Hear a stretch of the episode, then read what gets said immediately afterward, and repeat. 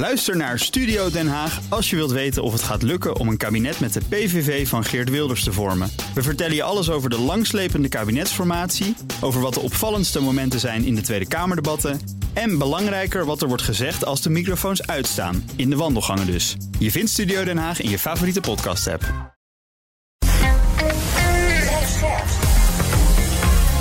BNR Nieuwsradio. BNR breekt.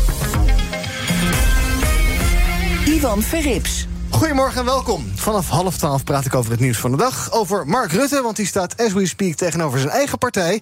om ze te overtuigen van het eh, voorstel rond de asieldeal. En we hebben het over de redder van elke politieagent. Een verplaatsbare flitspaal. Is dat een geweldig idee of ook een beetje eng? Ga ik bespreken met mijn panelleden. Vandaag Piet Rietman, econoom bij het economisch bureau van ABN AMRO. Gisteren nog bij onze vrienden van Zaken doen. Nu weer terug op het uh, veilige nest. Ja, fijn. Welkom, goed dat je er bent. Is toch leuker, hè? Gewoon ja zeggen. Ja, nee, het is hier uh, heel, Ja, heel leuk. leuk. Ja, klopt. En Vreemdelie Stadelmeijer, oprichter van She Consult. Goedemorgen, Vreemdelie. Goedemorgen vanuit Studio Malaga Hills. Heel goed. We gaan beginnen Ja. met. BNR breekt. Breekijzer. En het breekijzer heeft te maken met het energieprijsplafond. Energieminister Rob Jetten die zit eh, toch wel met de handen in het haar. Het leek allemaal mooi rond, dat prijsplafond, maar er zijn toch allerlei complicaties. Bijvoorbeeld, hoeveel moeten energiebedrijven voor hun energie ontvangen? Die vraag stelde Jetten aan de autoriteit Consument en Markt, maar die kon hem eigenlijk niet beantwoorden. Althans, ja, ze konden wel iets berekenen op basis van historische data, maar de huidige marktomstandigheden wijken te veel af, zegt de ACM. En dus gaat de staat met frisse tegenzin de energiebedrijven de eerste maanden van het komende jaar ruim compenseren. Het verschil tussen de verkoopprijs en het prijsplafond wordt gecompenseerd... in plaats van het verschil tussen de inkoopprijs en het energieplafond. En daarom is ons breekijzer vandaag... het prijsplafond voor energie is helemaal niet klaar om in te voeren. Wat vind jij? Ben je het daarmee eens?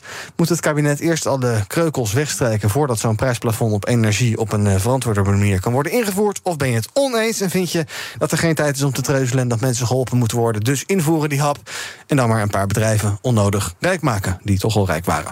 020 468 4 keer 0 Ons breekijzer, het prijsplafond voor energie... is niet klaar om in te voeren... Eh, als je nu belt, dan spreek ik je zo meteen in de uitzending 020 468 4 keer 0 Je kan ook van je laten horen via Instagram. Daar heten we BNR Nieuwsradio. Even stemmen, hoor je over 20 minuten hoe de rest van Nederland erover denkt.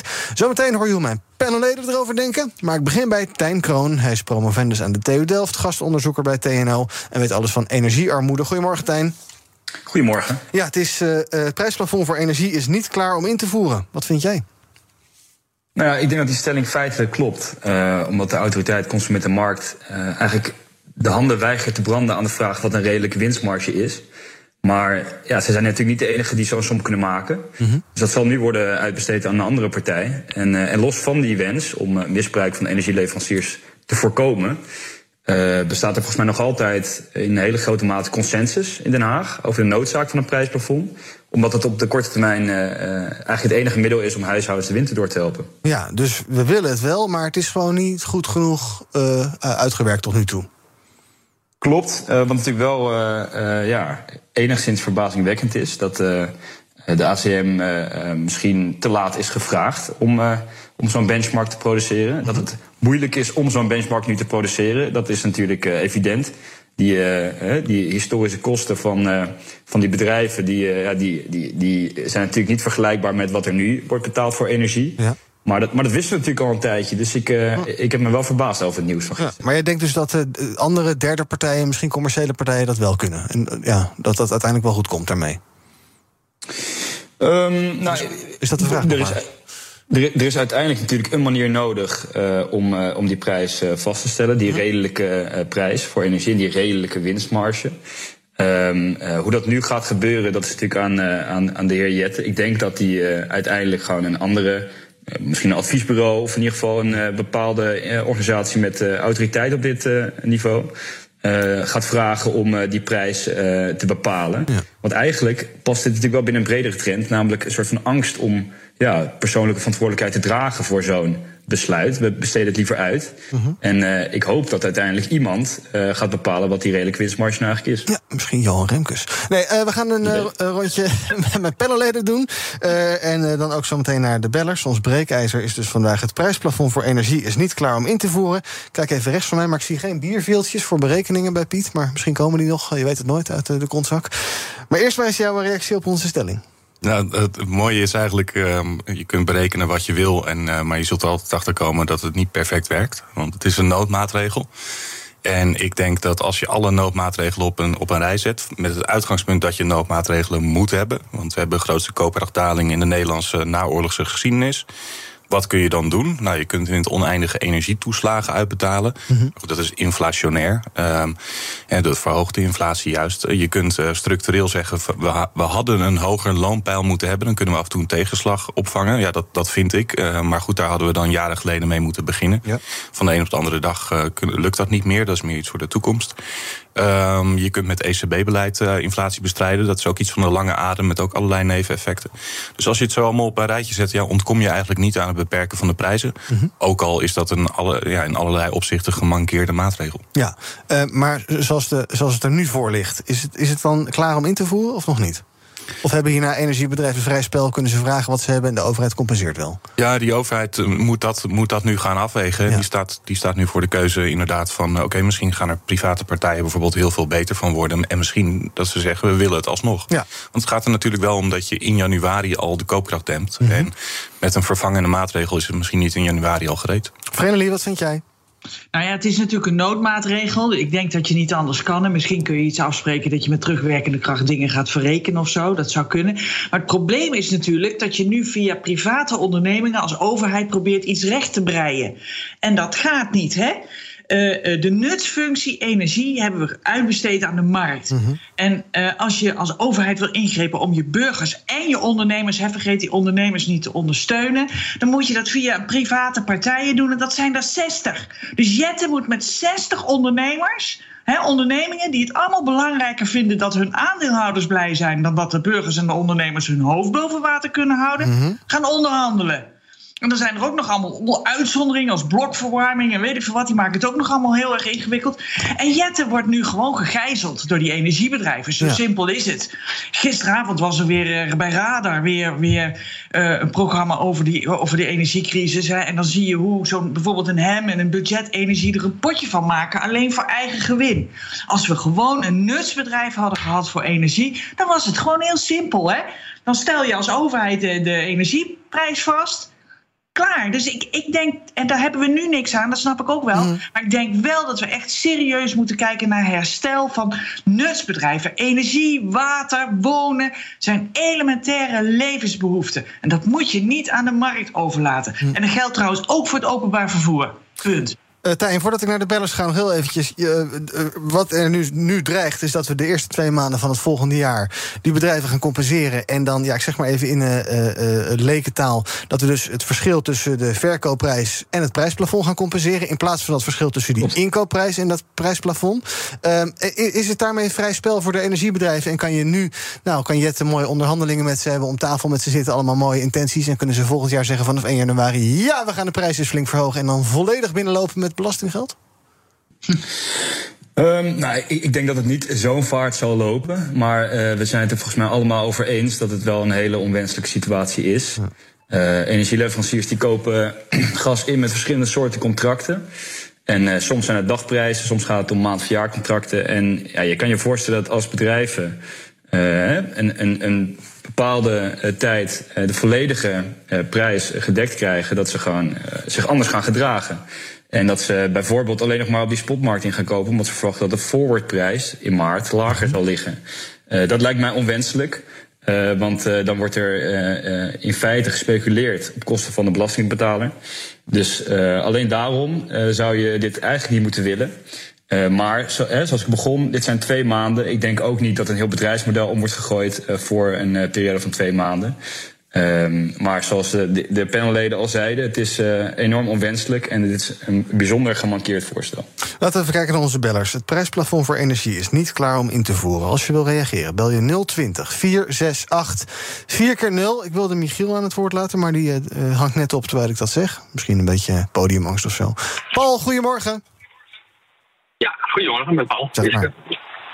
Ja, uh, ik vind dat het uh, wel ingevoerd kan worden. En dan gewoon afspreken, wij doen het tegen de inkoopprijs. Dan gaan we berekenen de inkoopprijs. Alleen dan achteraf uh, bepalen, wat was dat dan? En dat doen we ook bijvoorbeeld bij de corona-support. Het ook achteraf gezegd, we geven iedereen een bepaald bedrag. En achteraf gaan we kijken wie daar nou wel en in welke mate recht op had. Dus dat kun je achteraf prima corrigeren. Ja. En dan denk ik dat er uh, geen enkele reden is waarom je dat zou uitstellen. Ja, nou, dan kijk ik even naar de econoom in ons midden. Is dat een, uh, kan, kan, je dat prima doen, achteraf verrekenen? Ja, maar hoe vindt die verrekening dan plaats? Want ik snap het volgens mij niet helemaal. Oh, wil je toch eens uitleggen, Paul, wat je bedoelt? Nou ja, uh, die, je betaalt die mensen uit, zoals ja. ook ondernemers hebben uitbetaald en die last hadden van die coronamaatregelen. Maar achteraf werd dan gezegd, maar wat was nou de werkelijke schade? En in dit geval kun je zeggen achteraf, wat was nou de werkelijke inkoopprijs over die periode? Ja. En nou, dat, als jij dan te veel betaald hebt, of misschien te weinig, maar die kans is natuurlijk niet zo groot. Maar als jij het dan te veel betaald hebt, nou ja, dan uh, moet je dat terug, te veel gekregen hebt als energiebedrijf, dan moet je dat terugstorten. Ja, oké, dus dat je eigenlijk achteraf gaat kijken wat redelijk is. Ja, oké, okay, dus dan vindt er achteraf een verrekening plaats ja. tussen energiebedrijf en overheid. Ja. Ja, goed, uh, dat, dat hangt af van uh, hoe groot de reserves van die energiebedrijf zijn, of ze dat, uh, of ze dat kunnen. Ja. Um, dat lijkt me in ieder geval. Ik, ik, kan me voorstellen dat dat werkt. Bij huishoudens zou zoiets niet werken, denk ik. Dan moet je meteen al in januari de hele regeling opgetuigd hebben. Ja, want dit draait dus allemaal om uh, dat vraagstuk wat die, uh, wat die ACM voorgeschoteld kreeg. Namelijk, kijk nou eens wat die, wat die kostenmarge is. Hè. We gaan we gaan die, dat was het idee. We gaan bedrijven vergoeden uh, het verschil tussen de inkoopprijs plus een kleine kostenmarge en het prijsplafond. En de ACM zegt dus, wij vinden dat eigenlijk te moeilijk om vast te stellen. Kan je dat begrijpen? Kan je het voorstellen dat dat nu heel ingewikkeld is? Ja, zeker. En het is ook de taak van ACM om dat, om dat te doen en aan de bel te trekken als ze dat niet kunnen. Mm-hmm. Uh, en vervolgens is wat de ACM zegt natuurlijk wel een advies. Uh, en, en moet de Rijksoverheid zeggen van nou ja, gelet op dat het een gemankeerd voorstel is, maar ook het belang ervan. En dan is volgens mij alsnog de conclusie, we moeten het toch doen. Ja, ja maar Rob, Waarom is het zo ingewikkeld om het vast te stellen dan? Nou, Tijn, weet jij dat? Waarom is dat zo ingewikkeld? Um, waarom het zo ingewikkeld is? Nou ja, kijk, normaal gesproken doet een partij als de uh, ACM uh, doet dat op basis van uh, nou ja, data, op basis van de geschiedenis. -huh. Um, nou, die geschiedenis, de, de, de 20 jaar voor de inval in Oekraïne, of eigenlijk het najaar daarvoor, was, de, was dat best goed te doen. Want die prijzen die waren heel erg, um, nou ja, die, die redelijk gelijk. En op deze enorm volatiele markt, waarin uh, grote en kleine partijen ook op verschillende manieren inkopen, is dat heel erg moeilijk om te doen. Ja, dus, dus, dus, dus zij hebben daar wel een punt. Alright. BNR breekt. Ivan Verrips. Met in mijn panel vandaag Vereniging Stadelmeijer van She Consult, Piet Rietman, econoom bij ABN AMRO, het economisch bureau daarvan. We praten ook met Tijn Kroon, promovendus aan de TU Delft, gastonderzoeker bij TNO, weet alles van energiearmoede. En we praten over ons breekijzer. Het prijsplafond voor energie is niet klaar om in te voeren. Wat vind jij? 020 468 4 keer 0 Nu bellen, kom je zo meteen in de uitzending. 020 468 4 keer 0 Laten we even luisteren naar Rob Jetten, die vrijdag nog benadrukte met uh, wat voor enorm hoog tempo ze bezig zijn met het invoeren van het prijsplafond. We zijn in een paar weken tijd een prijsplafond uit de grond aan het stampen... dat uh, vele tientallen miljarden kan kosten om heel terecht mensen tegemoet te komen in de energiekosten. is complex in de uitwerking, maar uh, ik ga ervan uit dat dat lukt uh, per 1 januari. Ja, ik hoop dat het lukt per 1 januari. Deze maand en volgende maand krijgen huishoudens nog 190 euro... overgemaakt of verrekend op je elektriciteitsrekening. Ehm, is, dat, is, dat is geen ideale situatie dus, Piet, dat je die 190 euro krijgt. Het is wel lekker duidelijk 190 euro op je bankrekening. Ja, kan je ja. daar ermee doen wat je wil. Ja, het verschilt een beetje in de uitvoering. Ik heb daar naar zitten kijken hoe die energiebedrijven dat doen. Maar dat, dat, dat kan op je bankrekening belanden. Ja. Maar het kan bijvoorbeeld ook verrekend worden met de rekeningen die er nog komen. Mm -hmm. Of met, um, met een jaarafrekening. Dus ja, het effect ervan verschilt ook heel erg. Ja, maar is dat, een, is dat een goed idee om het op deze manier even tijdelijk op te vangen? Met die 100? En als je zegt van goh, per 1 januari redden we het niet, want we krijgen het toch niet helemaal rond met die vergoeding. Nou, doe het in januari ook nog, in februari, in maart, misschien ook nog in april nog 190 euro. Ja. Mei, juni, ja, je weet welke maanden er nou komen. Ja, maar het lastige van, van dat soort maatregelen is, uh, van, zo'n energietoeslag, is uh, het is vanuit de rechtvaardigheidsperspectief heel erg te verdedigen, -hmm. vind ik. Want mensen zitten in de armoede. Tegelijkertijd moeten we kijken naar, naar wat de effecten op de inflatie zijn. En ja, gewoon dit soort uh, pure transacties, gewoon geld dat bij huishoudens in één keer belandt vanuit de overheid. Uh, die zijn ook weer inflationair. Dus je moet behalve, en dat kan nog steeds een goed idee zijn hè, om, dat, om dat dan tijdelijk te doen. Maar daarnaast moet je kijken naar wat zijn de structurelere maatregelen om het op te lossen voor de langere termijn. Ja, en dat is voor het komend jaar toch het verhogen van inkomens en het beperken van prijzen. Ja, Tijn, um, ik ben nog wel eventjes benieuwd. Uh, zijn, er zijn geloof ik ook mogelijkheden qua wetgeving om te zeggen... we gaan de gasprijs gewoon cappen. Maar die worden niet gebruikt, hè? Uh, vooralsnog niet, nee. En, Nog nooit, volgens mij ook. Nee, en wa waarom doe je dat dan niet? Want dat is toch veel makkelijker dan nu allerlei uh, moeilijke constructen op, uh, optuigen? Dat is een hele goede vraag. Ik hoop dat de juristen van de Rijksoverheid zich daarover hebben gebogen. Ik niet, dus dat, ik kan je dat ook niet per se vertellen. Oké, okay. dan ben ik wel benieuwd naar die, naar die blokverwarming. Dat, dat probleem, dat ligt ook nog maar op tafel. is, waarom is dat zo moeilijk op te lossen? Nou, omdat uh, energieleveranciers niet weten wat het verbruik van die uh, individuele uh, huishoudens is, -hmm. omdat ze samen op zo'n blokverwarming zitten. Um, ik geloof dat er wel, nog wel op zoek wordt gegaan naar een oplossing. Het gaat toch nog om een uh, redelijk grote groep. Uh, en het zou natuurlijk best wel uh, onrechtvaardig zijn als deze groep niet wordt gecompenseerd. Het zijn vaak ook nog eens um, huurders van, van corporaties, ja. die het in het algemeen al niet enorm breed hebben.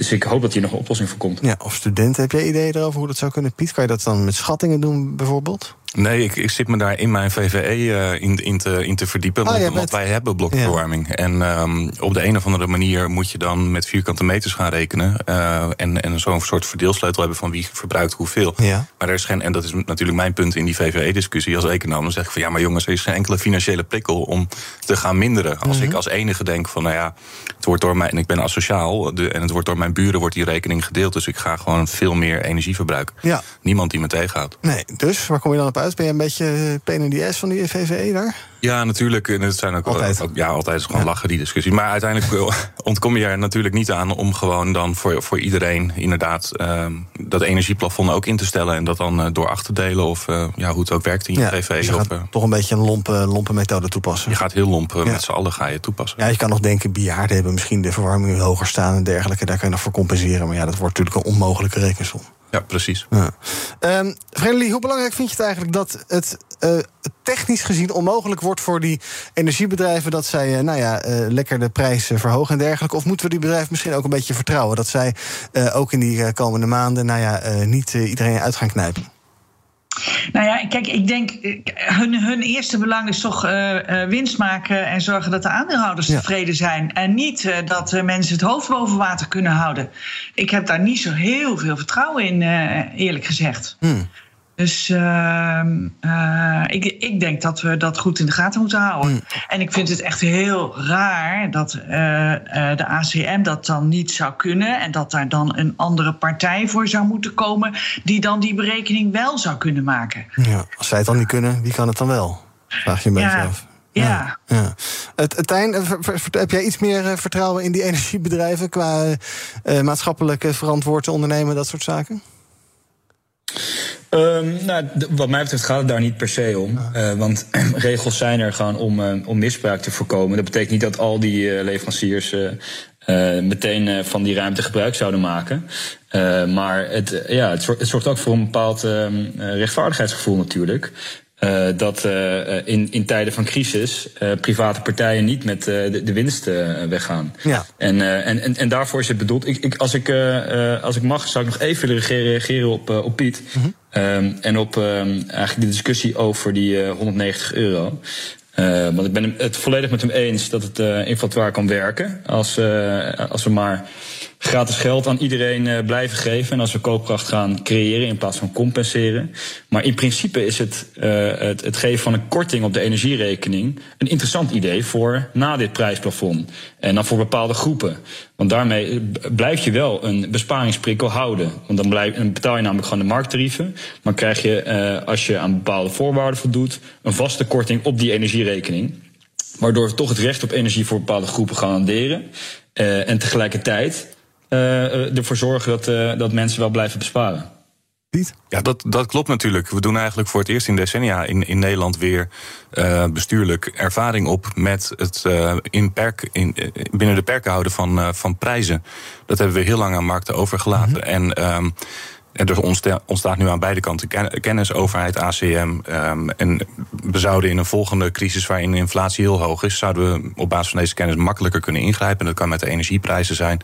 Maar ik zeg ook wel eens, als je de inflatie wil indammen, ja, je kunt de huren bevriezen of de ja. OV gratis maken, dan is de inflatie ook lager. Ja. Dan moet je kijken wat je daarvan vindt en of dat niet heel duur is en, en wat de samenleving ervan vindt.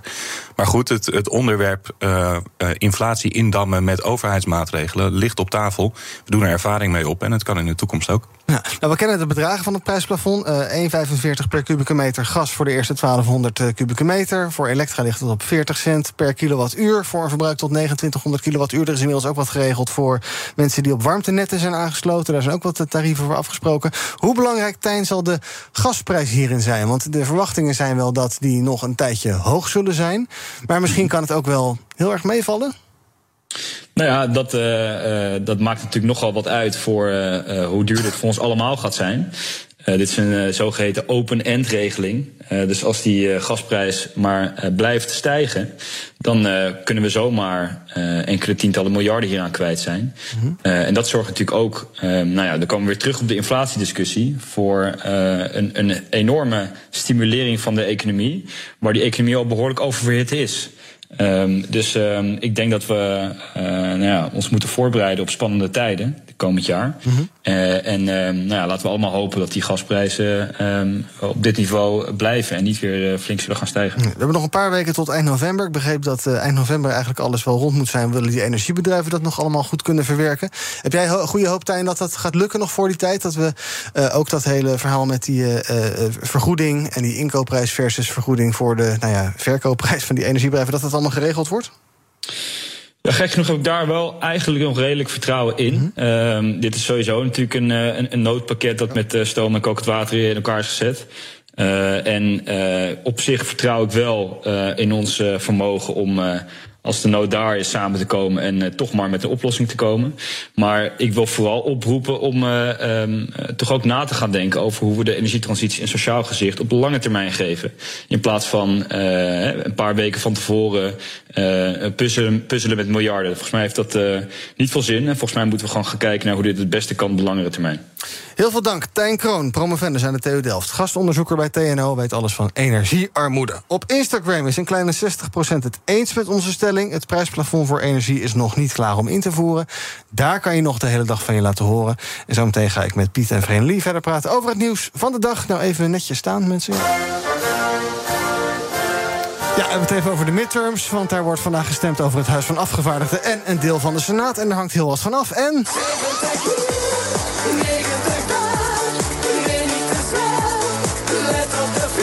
Ja, nieuw speelgoed van de politie. Mobiele flitspalen zijn de tijden van de agent met de lasergun voorbij. Gaan we onder zo meteen bespreken bij BNR Breekt. Ook Harm Edens vind je in de BNR-app. Je kunt BNR Duurzaam niet alleen live luisteren in de app, maar ook terugluisteren als podcast, zoals al onze podcasts. En naast dat de BNR-app Breaking News meldt, houden we je ook op de hoogte van het laatste zakelijke nieuws. Download nu de gratis BNR-app en blijf scherp.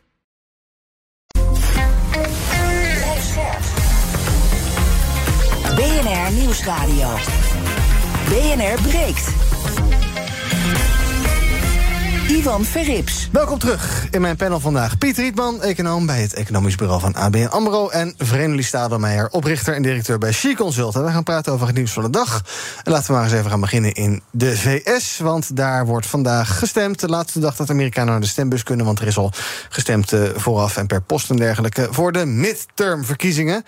Ook uh, oud-president Obama die wordt van stal gehaald... om kiezers bij de Democratische Partij een beetje scherp te houden. I need you to get off your couch and vote.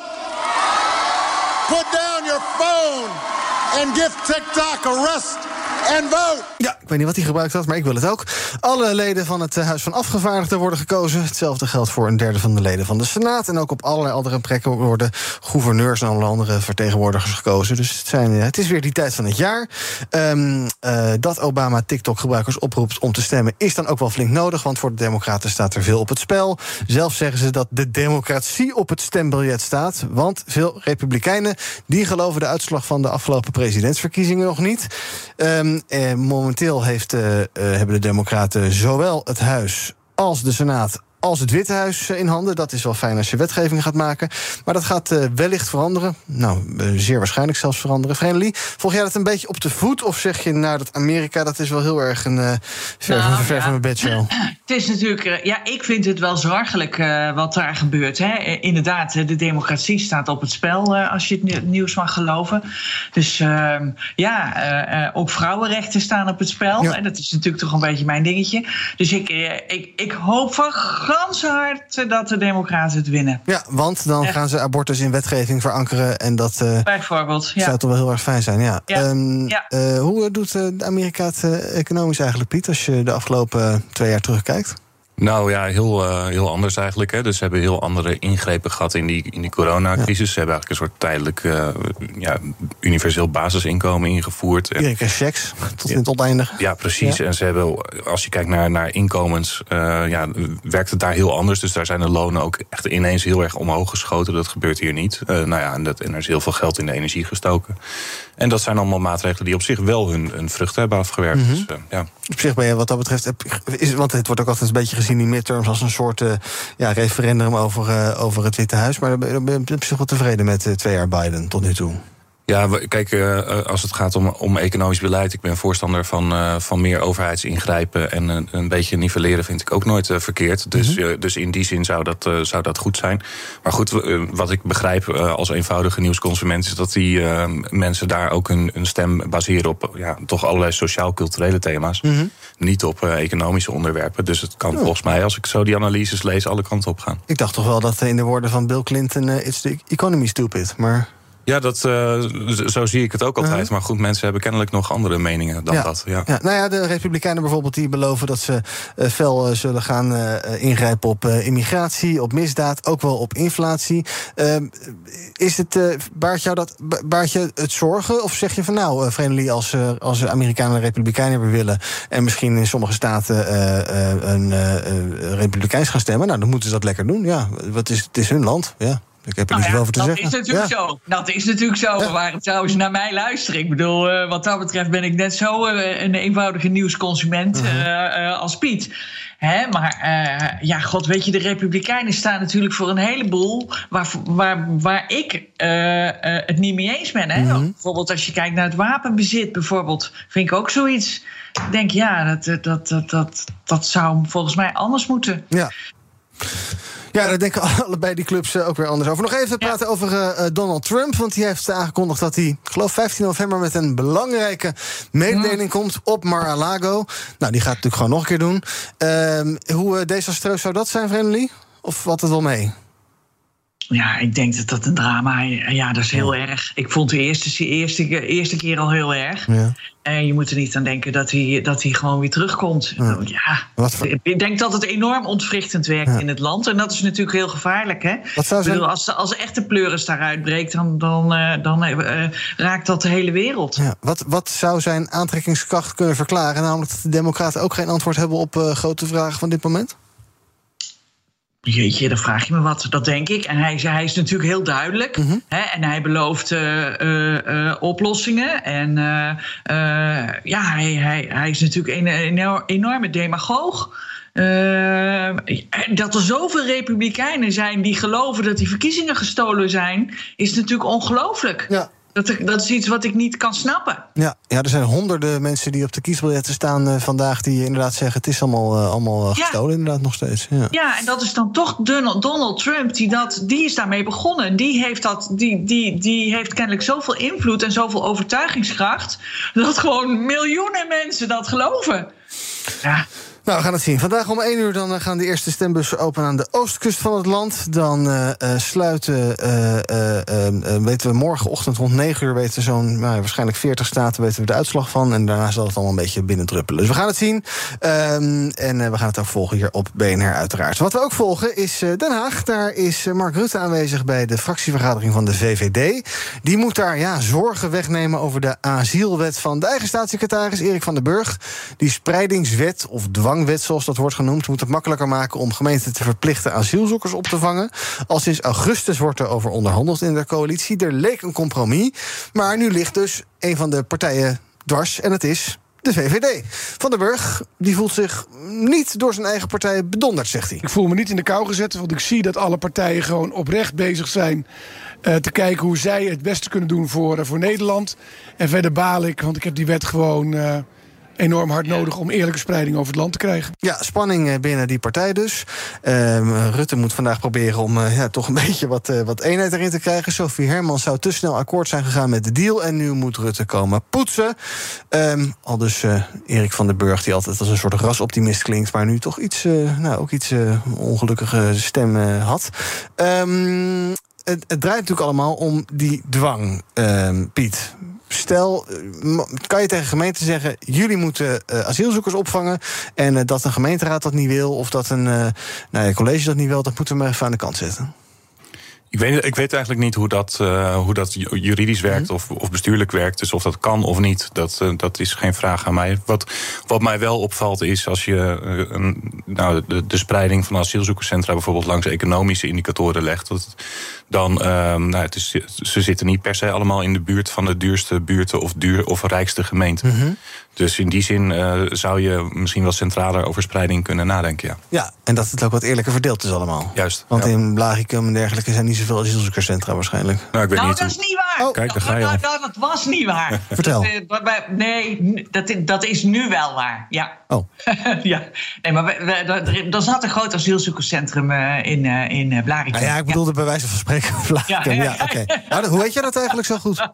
Nou, ik heb jaren in Bussum gewoond. Dus, Ah, ja. ja. Hebben ze daar wel een AZC of daar niet? Bussum. nou ja, Bussum, Blarikum is allemaal één uh, potnat. Ja, ja gooi, ja. ja. Um, het gaat dus om die dwang. Vind jij dat problematisch dat je tegen gemeenten zegt... jullie gaan het maar gewoon doen? Nee, Nee, ik, vind dat, ik, ik, ik denk dat we, het, dat we het moeten oplossen. En ik bedenk uh, uh, uh, dat dat humaan is om het nu, nu zo te doen. Mhm. Je kunt die mensen. Dit, dat kan toch niet zoals we dat nu doen? Dat is gewoon te erg. Dus ik denk dat het heel eerlijk is als je gewoon zegt: iedere gemeente moet daar gewoon zijn steentje aan bijdragen. Of je nou wil of niet. Ja. En ik vind, ja, ik, ik, ik, ik, ik snap dat de VVD, VVD dwars ligt. Hè. Die hebben natuurlijk een enorme rechterflank.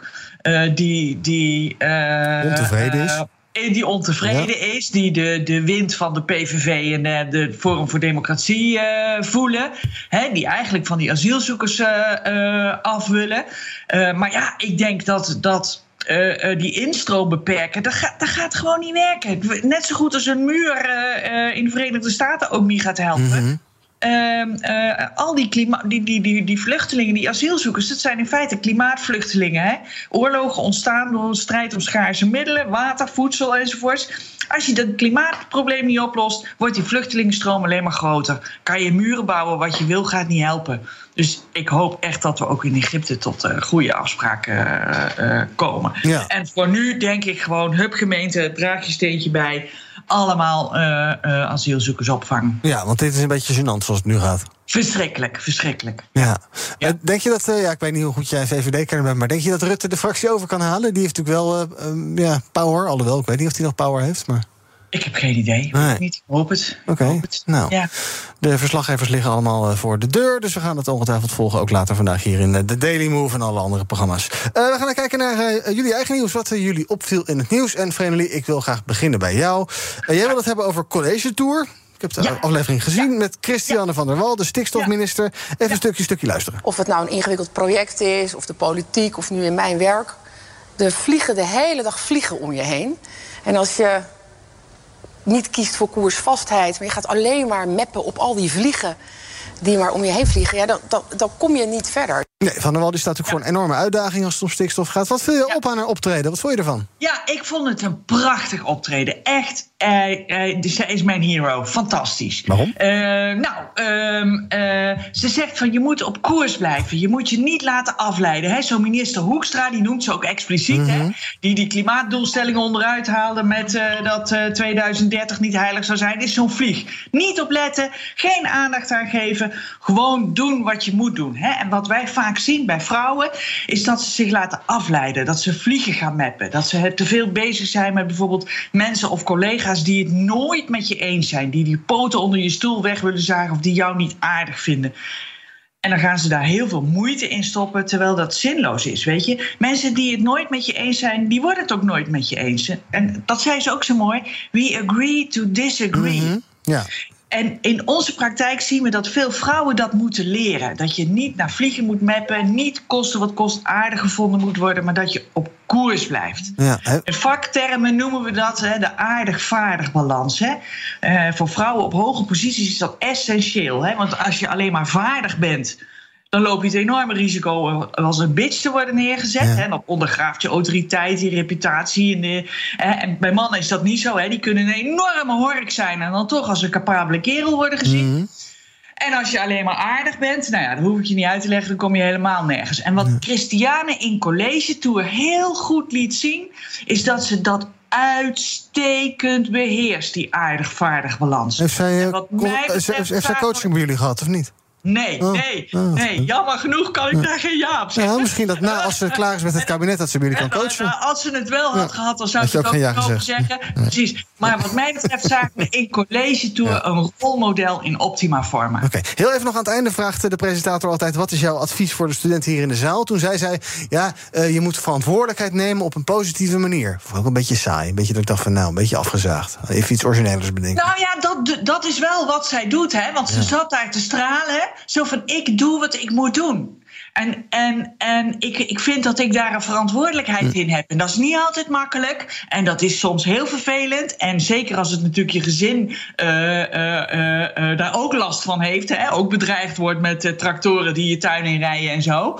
Eh, eh, en dan zegt ze van ja, maar ik, ik voel dat ik die verantwoordelijkheid heb en die neem ik. En die wil ik nemen. En ik blijf op koers. En eh, ik heb empathie, ik begrijp het. Er zat een boze boer in de, in de zaal die heel fel en heel boos was. Ik vond het prachtig zoals ze daarmee omging. Ook Bas van Werven vind je in de BNR-app. Ja, je kunt live naar mij en Iwan luisteren tijdens de ochtendspits. Je krijgt een melding van Breaking News. En niet alleen onze podcast Ochtendnieuws, maar alle BNR-podcasts vind je in de app. Download nu de gratis BNR-app en blijf scherp.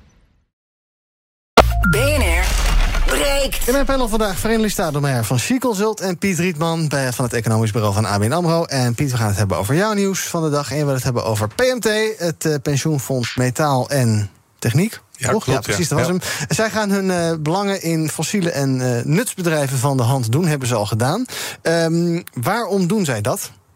Dat doen zij omdat ze de directe en indirecte CO2-uitstoot van hun beleggingsportefeuille willen verminderen. En er zijn meer pensioenfondsen die dat zeggen of die eraan streven. Maar ik vind dit eigenlijk heel erg positief nieuws van PMT. Een van de grootste pensioenfondsen van Nederland. Een van de grootste vijf. Eh, dus ook heel veel invloed op klimaatverandering via hun beleggingsportefeuille.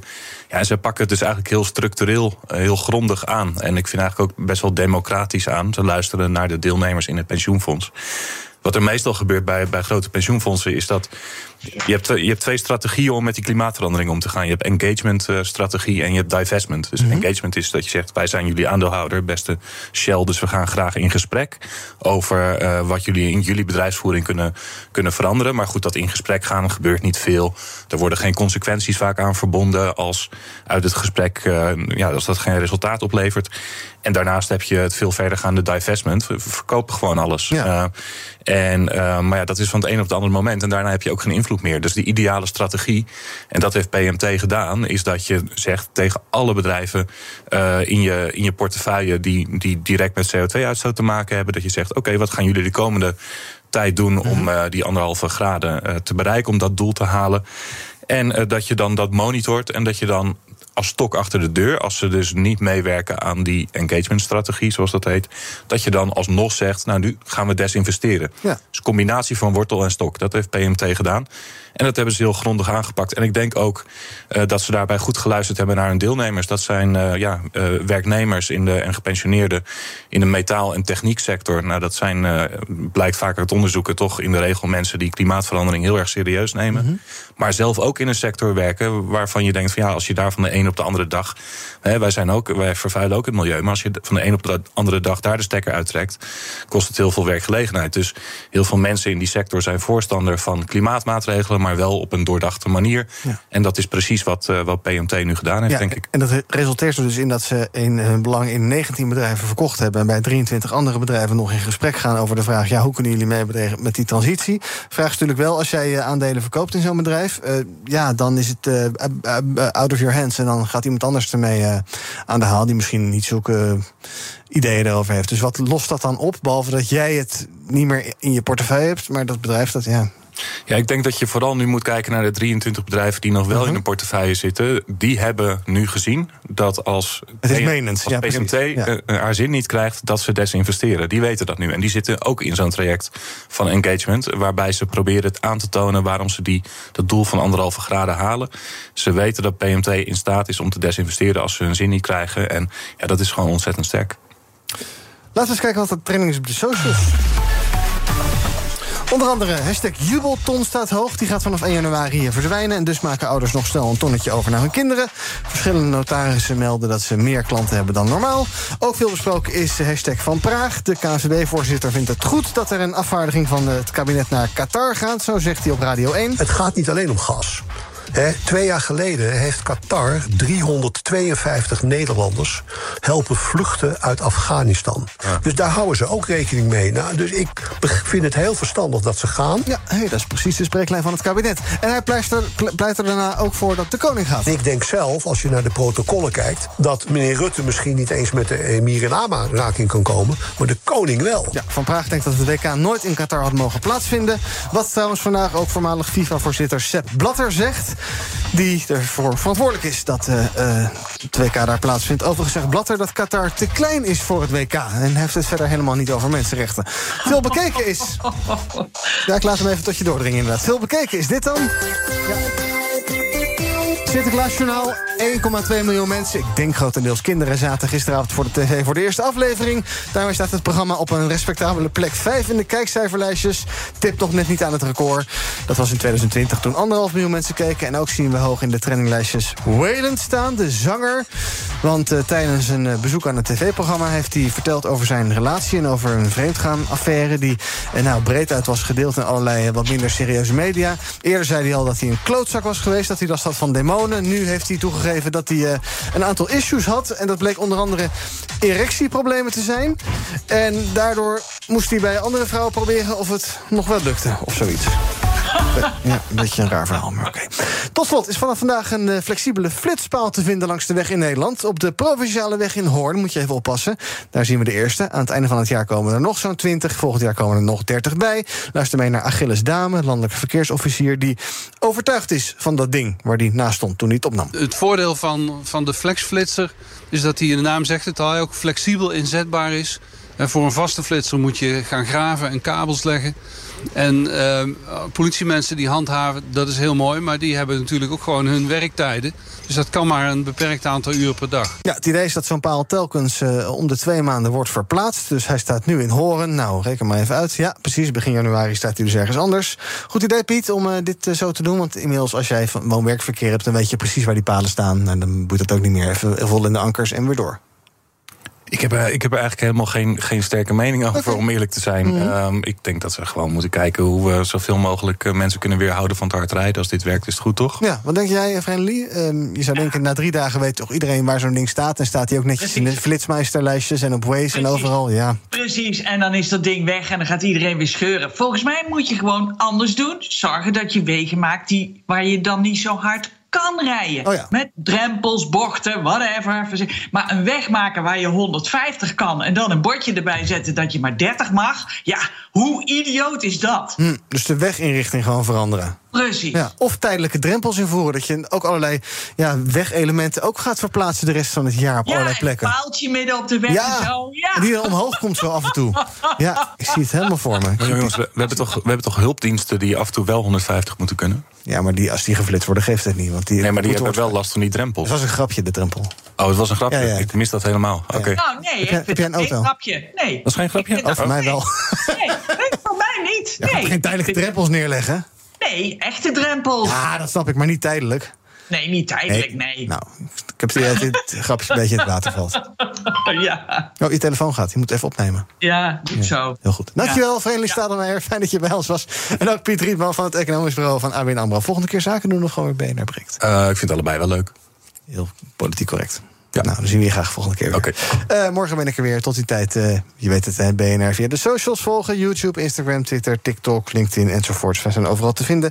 En zometeen is Thomas hier met Zaken doen. Dag. Bij BNR ben je altijd als eerste op de hoogte van het laatste nieuws. Luister dagelijks live via internet. Bas van Werven. En heel langzaam komt de zon op rond dit tijdstip. Je krijgt inzicht in de dag die komt op BNR, het Binnenhof in Nederland en de rest van de wereld. De Ochtendspits. Voor de beste start van je werkdag. Blijf scherp en mis niets.